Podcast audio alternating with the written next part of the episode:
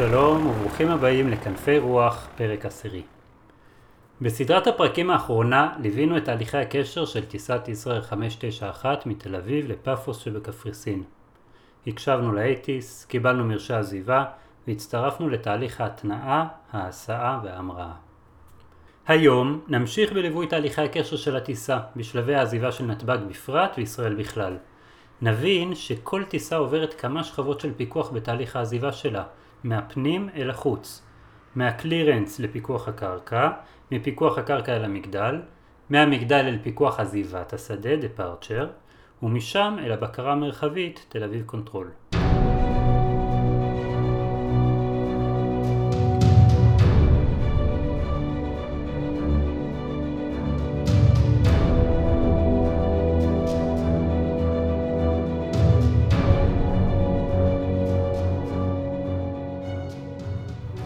5901, wind 320 degrees 15 knots, runway 260 for immediate takeoff.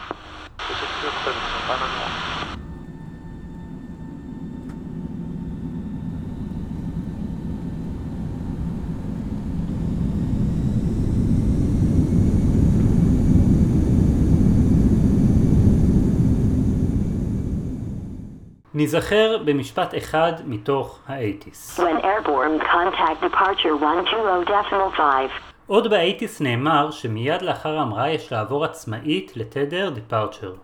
עומס העבודה על הצוות בעת ההמראה הגדול ואין צורך בקריאת קשר צפויה מראש מהמגדל לעבור תדר.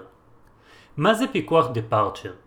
בעוד המגדל אחראי על מה שקורה על המסלול ובסביבתו הקרובה מאוד, פקח הדפרצ'ר אחראי על ההפרדה בין התנועות העוזבות את השדה, ותחום האחריות שלו הוא החל מגובה של כמה מאות מטרים ועד למרחק של כמה עשרות מייל מהשדה. פיקוח דומה נדרש עבור תנועות המצטרפות לשדה, לנחיתה, והוא נקרא approach. כמו הדפרצ'ר, גם ה-approach מקבל את המטוסים כשהם במרחק של כמה עשרות מייל, והוא אחראי לשמור על ההפרדה ביניהם ולהכניסם לתוך גישות המכשירים המתאימות בצורה בטוחה עד להעברתם אל תדר המגדל לאישור נחיתה. בשדות גדולים הפיקוח על התנועות הנכנסות והיוצאות נעשה בתדרים שונים, תדר ל-departure ותדר ל-approach, ובשדות גדולים במיוחד ישנם אפילו כמה פקחי approach המחולקים לסקטורים, כיוונים שונים. בנתב"ג בכל אופן, לבינתיים, אותו פקח אחראי הן על התנועות הנכנסות והן על התנועות היוצאות. אנחנו מבינים אם כך שיש הבדל מהותי בין אופן הפיקוח של פקחי הקרקע, ground, והמגדל, tower, לבין אופן הפיקוח של פקחי הגישה והעזיבה, approach and departure. לפקחי הקרקע והמגדל יש כמעט תמיד את האפשרות לפקח עם קשר עין למטוסים שעל הקרקע. יש להם גם עזרים נוספים לפיקוח, אבל פקחי המגדל והקרקע תמיד יהיו ממוקמים בקומה העליונה של מגדל הפיקוח, מוקפים בחלונות עם נוף שרק אפשר לחלום עליו. פקחי הגישה והעזיבה, לעומת זאת, אינם רואים רוב הזמן את המטוס המפוקח, והפיקוח נעשה בעיקר בעזרת הרדאר. בשדות רבים, פקחים אלו ממוקמים בכלל בקומה תחתונה יותר במגדל, ולפעמים בכלל במרכזי בקרה על הקרקע. ישראל 591 out of 1700 feet. Sir 5901, שלום בן departure, אלא contact, climb והגיט ל-1 echo to altitude 8,000 feet. Climb ועד הסид 8000 feet ישראל 591. ישראייר יוצר עצמאית קשר על תדר הדפרצ'ר ומדווח שהוא out of 1700 feet, שזו דרך לא רשמית לומר שהוא חוצה גובה 1700 רגל בטיפוס. הפקח נותן גובה חדש, 8000 רגל, כאשר הטיפוס אליו יעשה לאורך הנתיב של ה SID. פעמים רבות בזו מסתיימת עבודתו של פקח העזיבה ובשלב כלשהו הוא פשוט מורה לטייסים לעבור לתדר הפיקוח המרחבי, contact תל אביב control. לפעמים, כמו שנראה שקרה כאן, יש צורך בהפרדות נוספות מתנועות במרחב. בואו נשמע את סדרת ההוראות שקיבל בהמשך ישראל 591 בעודו במרחב פיקוח המקם של תדר הדפרצ'ר. ישראל 5901, tell right heading 320. Right 320 ישראל 591. מרגע זה הטיסה עזבה למעשה את הסיד והיא טסה לפי וקטורים שניתנים לה מהפקח. אחרי כדקה וחצי מגיע הוקטור הבא. ישראל 5901, turn left heading 300, vector for climb. Left 300 ישראייר 591. והגיע הזמן לעבור לתדר תל אביב control, שזו בקרה אזרחית, בקרת מכ"ם שמפקחת על תנועות בינלאומיות, ואכן, ישראייר 591, contact תל אביב on 121 decimal 4. 114, ישראייר 591, להתראות. ביי. בתדר הזה קצת קשה להבין את ישראייר, אבל עדיין נוכל להבין מה קורה.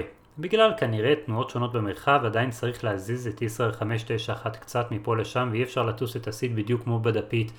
זה בדיוק אחד מתפקידיו העיקריים של בקר המקם בטיסת מכשירים, הפרדה בין תנועות. 591 Tel Aviv, Spoke Ident, report level passing and requested level speed. Sir 591, sliding 280. Sir 591, slide airback to Velo, resume our navigation. This Sir 591, sliding 240. Traffic 240 confirms, FM, traffic 12 o'clock 10 miles, same level. Israel 591, clear of traffic, resume our navigation, direct Velo. אחרי כרבע שעה, תל אביב קונטרול מעביר את הטיסה לפיקוח המקביל בקפריסין, ניקוסיה. ישראל 591, contact ניקוסיה, 126, decimal 3 להישמע. כוסיה 1263, להישמע, ישראל 591. בהמשך ניקוסיה יעבירו את ישראל 591 לתדר הפרוט של פאפוס, וכל התהליך ייסגר שלב אחרי שלב.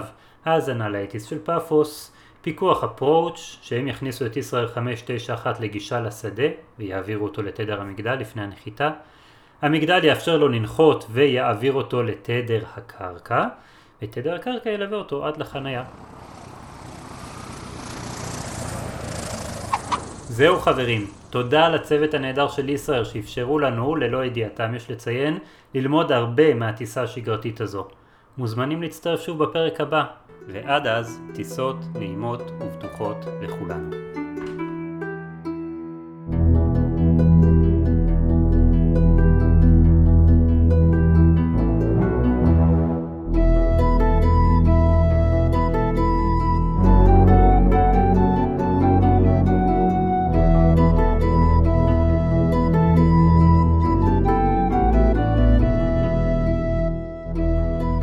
Music from filmmusic.io, Sky Quillin and The Descent by Kevin McLeod in Incompetech.com. License Creative Commons by in creativecommons.org slash license slash by slash 4.0.